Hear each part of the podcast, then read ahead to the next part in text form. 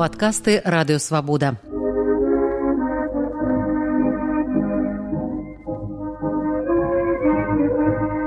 Сто гісторый пра БНР з Сергеем Шупам.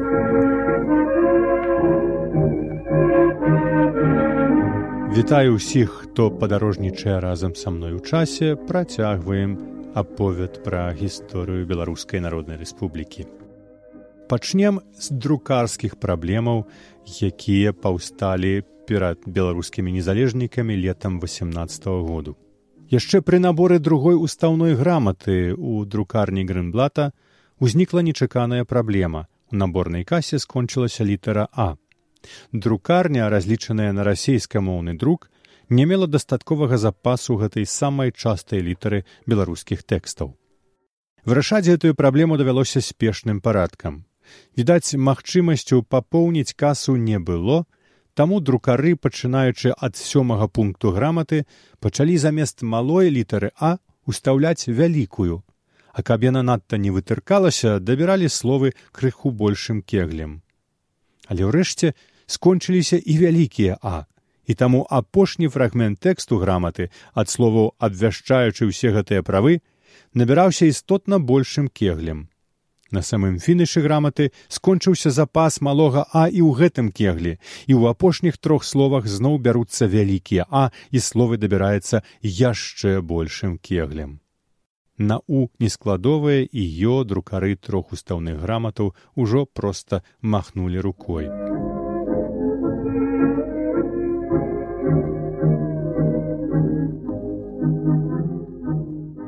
Але найбольшую крытычную вастрыню праблема з друкам беларускіх выданняў набыла ў ліпені недахоп спецыфічных беларускіх літараў. З гэтай нагоды было вырашана выправіць друкара якова грынблата з чуе друкарні выйшлі як мы уже сказалі тры устаўныя граматы у петраград дзеля набыцця не хапаючых для беларускай альфабеты шрыфтоў а менавіта літараў у нескладовая ё ц і з патрэбных для друкавання беларускіх газетаў і часапісоў. І якаў Грынблад з сынам Натанам выехалі ў Петраград у жніўні. Народны сакратарыят тым часам далей змагаўся за сваю прастору. У юбілейны дом дзеячы беларускага прадстаўніцтва яго пакуль што так і не пускалі. А на трэцім паверсе дому на вуліцы Захараўскай 43, які цяпер займаў народны сакратарыят, Прадметам змагання сталі тры пакоі, якія народны сакратарыят арандаваў раней і якія цяпер былі беспадстаўна занятыя нямецкім вайсковым аркестрам. Магчыма, праблема тут была не гэтулькі ў недахопе метражу, як у недастатковай гукаізаляцыі. Падкасты радыёвабода. Падарожжа ў БНР з Сергеем Шупам.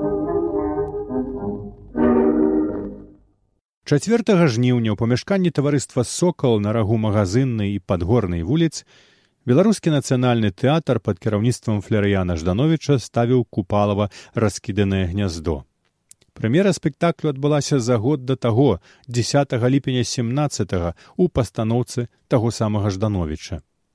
Тым часам сам аўтар сваёй п'есы на сцэне яшчэ не бачыў, бо ад 1916 году купала жыў у смаленску. Цяперашняя пастаноўка мелася быць прымеркаваная да прыезду ў Менск самога купалы. Яшчэ 20 ліпеня народны сакратарыят выпісаў яму пасведчанне аб грамадзянстве БНР і патрэбе вярнуцца ў Менск. 3 жніўня выпісваецца яшчэ адно пасведчанне паказчык гэтага грамадзянін беларус янка луцевіч беларускі паэт янка купала быў камандзірован у места смаленск у сваім часе народным сакратарыятам беларускай народнай рэспублікі для збору калекцыі для беларускай выстаўкі ў месце менску а таксама для выяснення у якім палажэнні знаходзіцца там яго сямейства і звароту сям'і ў места менск дзе ён мае пастаяннае места жыцельства купала вернецца ў менск толькі ў студзені 19 калі горад будзе ўжо бальшавіцкі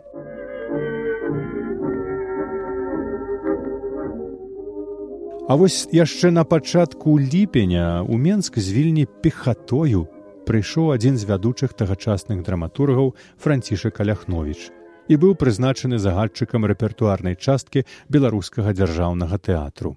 Аднак мясцовыя тэатралы ягонаму прышэсцю асабліва не ўзрадаваліся. У выніку ў беларускім дзяржаўным тэатры адбыўся раскол.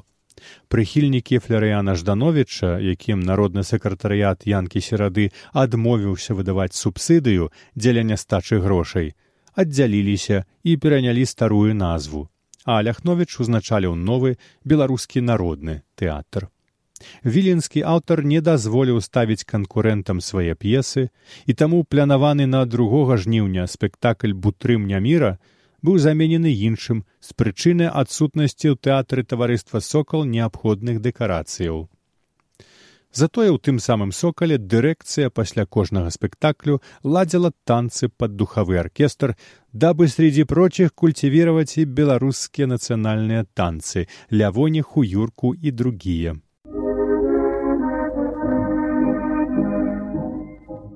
Падкасты радыёвабода.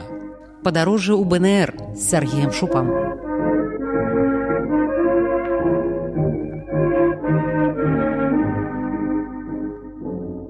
Самай экзатычнай з партыяў, на якія летам 1918 году раскалолася беларуская сацыялістычная грамада, выглядала беларуская партыя сацыялістаў-федэралістаў. Галоўнае праграмнае палажэнне партыі пасля паваеннага аднаўлення жыцця Беларусь мусіць увайсці ў федэрацыю з суседзямі, як і было пастаноўлена на ўсебеларускім з'ездзе.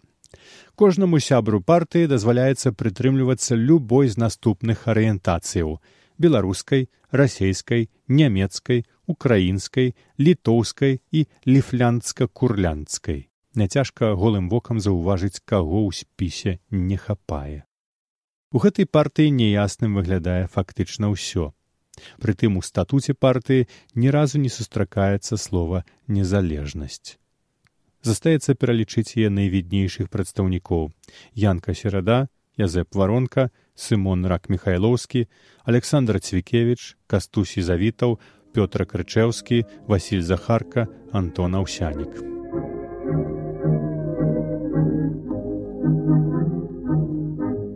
Кабінет янкі серады атрымаў у спадчыну ад папярэднікаў цяганіну з немцамі за грошы, якія нямецкі камендант менску майор эггерс канфіскаваў з касы народнага сакратарыяту ў губернатарскім доме 25 лютага.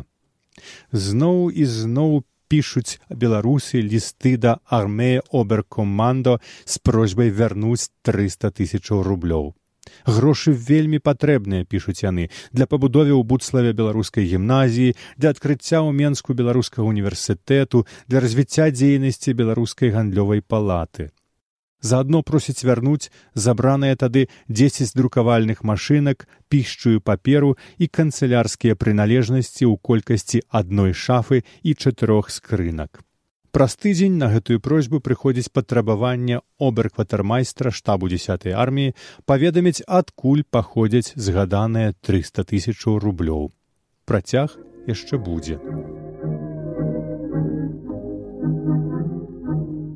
Тым часам 17 жніўня народны сакратарыят пасля трох з паловай месяцаў старанняў і намаганняў нарэшце пераязджае ў сваё новае памяшканне ў юбілейным доме.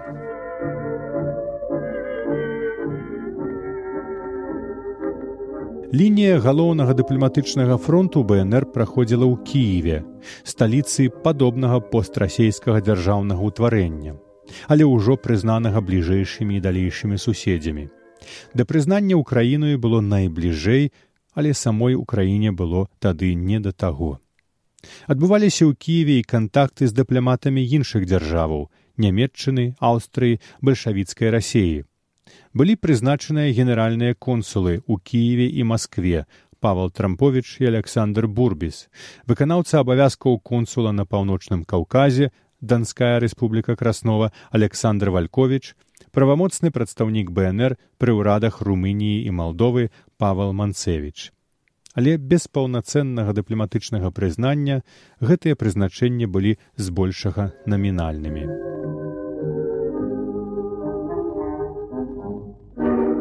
Фармаванне новага кабінету янкі серады зацягнулася на некалькі тыдняў. За адсутнасцю народных сакратароў іхную працу вялі адпаведныя камісіі рады. Справаводства таго перыяду не захавалася, але тыя падзеі рэгулярна асвятляла газетная хроніка. Былыя міністры, якія складалі ядро першага кабінету, уваходзіць у новы ўрад не спяшаліся і працавалі ў камісіях, засяродзіўшыся, як сказана, на барацьбе з польскім элементам у Беларусі. Занепакоенасць польскай пагрозай узрасла пасля таго, як у Менску заснавалася рыма-каталіцкая біскупская катедра і 14 жніўня сюды прыехаў біскуп лазінскі. Беларускіх незалежнікаў гэта занепакоіла. Яны шукалі спосабаў умацаваць беларускае нацыянальнае адраджэнне.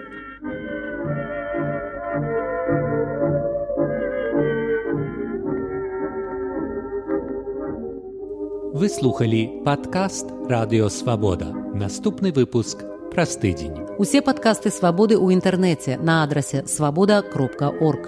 Штодня у любы час у любым месцы, калі зручна вам. Свабода кропка орг. Ваша свабода.